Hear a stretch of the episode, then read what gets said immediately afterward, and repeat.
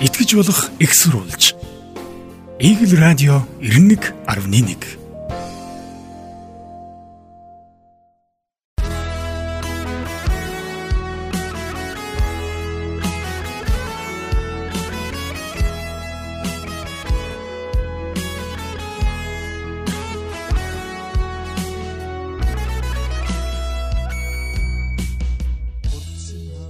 Игэл цэгийн сайтын онцлог нийтлэлээс Арчилсан нам мандахуу мөххүү. Арчилсан намын даргаыг хоёр шатлаар сонгоно. Хоёр сонгуул дараалан ялагдал хүлээсэн арчилсан намын мандах мөхийн чигийг гаргах их хурал хоёронтой хойшилсны эцэст сая нэг цахимаар хуралдах тав гарлаа. Маргааш буюу энэ сарын 18-нд Арчсан намын хурлыг эхлүүлж 2 өдөр цахимаар зохион байгуулна гэдгийг Арчсан намын даргын үргийг түр орлон гүйцэтгэгч Товаан өнгөрсөн даваа гарагт мэдгцээ. Харин өнөөдөр Арчсан намын үндэсний бодлогын хороо хуралдаж их хурлын дарга тэргүүлэгч үндсэн дүрмийн өөрчлөлт тоолгын комиссийг батлах юм. Үндсэн дүрмийн шинжилэлээр намын даргаа сонгох дотоод сунгааг өөрчлөх нь тодорхой болсон. Өөрөөр хэлбэл өмнө нь сунгаа явуулж намын даргаа сонгодог байсан бол энэ удаа хоёр шатлаар сонгох өөрчлөлтийг дүрмийн өөрчлөлтөөр тусгахаар зэгчээ.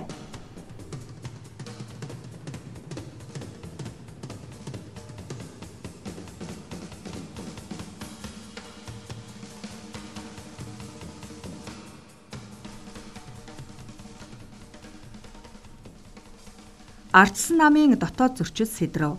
Намын даргаыг сонгох үйл явцыг өөрчлөх болсон шалтгаан нь сунгаа нам дотор хагарал бутрал үүсгэж буйтай холбоотой гэдгийг Ардсан намын гишүүд ч хэлж байгаа. Сонирхолтой нь Ардсан намын өмнөх удирдлага буюу улсын хурлын гишүүн асан Эрдэнэ үндсэн дүрмийн өөрчлөлтийг шүүмжилж шаардлагагүй өөрчлөлт гэдгийг хэлжээ. Ингэхдээ үүрэг гүйцэтгэгч Тувааны манай нам шинчлэгдэх бус эрс өөрчлөгдөх шаардлагатай гэсэн дэгдүүцэж ярилцлага өгсөн байна. Хариуд нь Туваан нь бүх зүйл дүрмийн дагуу явж байгаа. Хуучин удирдлагуудаас их хурлыг эсэргүүцүүл мөнгө өгөөч гэж гишүүд рүү ярьсан байна. Бид маш их хөртөө байргүй ямар ч ид хогшилгүй нам хүлээж авсан. Байрнаасаа хөөгдөд л гудамжинд гарсан хэмээн хариу барьжээ. Их хурлаан угтаж арчилсан намын дотоод зөрчил сэдрэг бололтой. Арчилсан намыг хэн удирдах вэ? Өнгөрсөн 8 дугаар сард болох товтой байсан их хурлын өмнө намын даргад нэр дэвшигчдийн хүсэлтийг авч байлаа. Энэ үед 10 орчим хүн намын даргад өрсөлдөхөн илэрхийлсэн. Хамгийн түрүүнд улсын хурлын гишүүн асан оюун гэрэл өрсөлдөнө гэдгээ ил тод хэлж байлаа.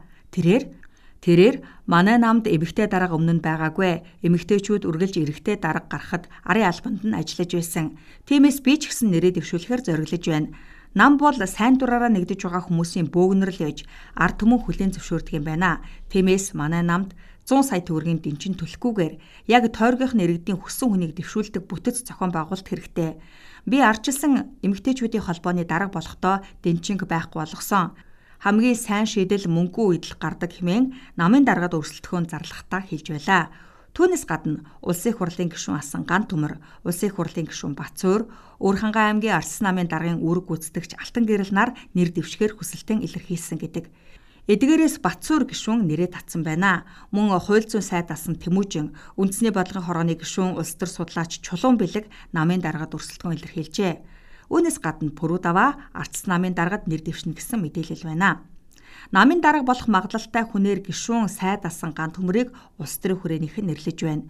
Түүний хувьд 2016 онд намын даргын сунгаанд өрсөлдөж байсан бол энэ удаад дахиад ардсан намын даргад өрсөлдөж намынхаа үйл хэрэгт оролцохоор горилж байгаа. Ерөнхийлөгчтэй боломжийн харилцаатай дээр бусад фракцтай ч эвтэй гэдэг үндслээр түүнийг удирдлага болгох магадлалтай байгаа юм.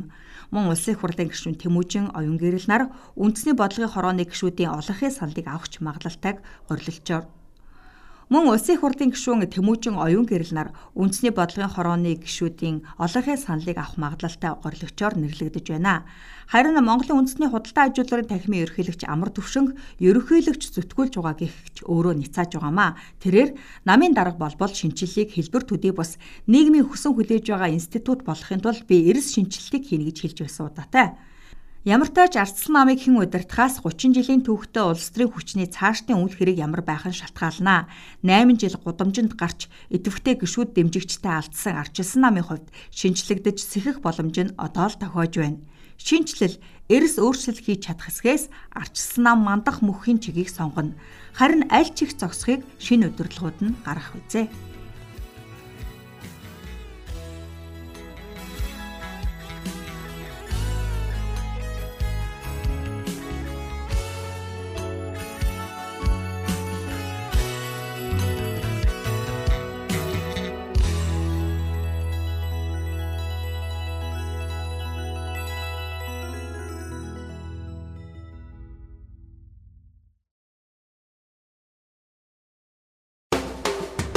Итгэж болох экссурулж. Игэл радио 91.1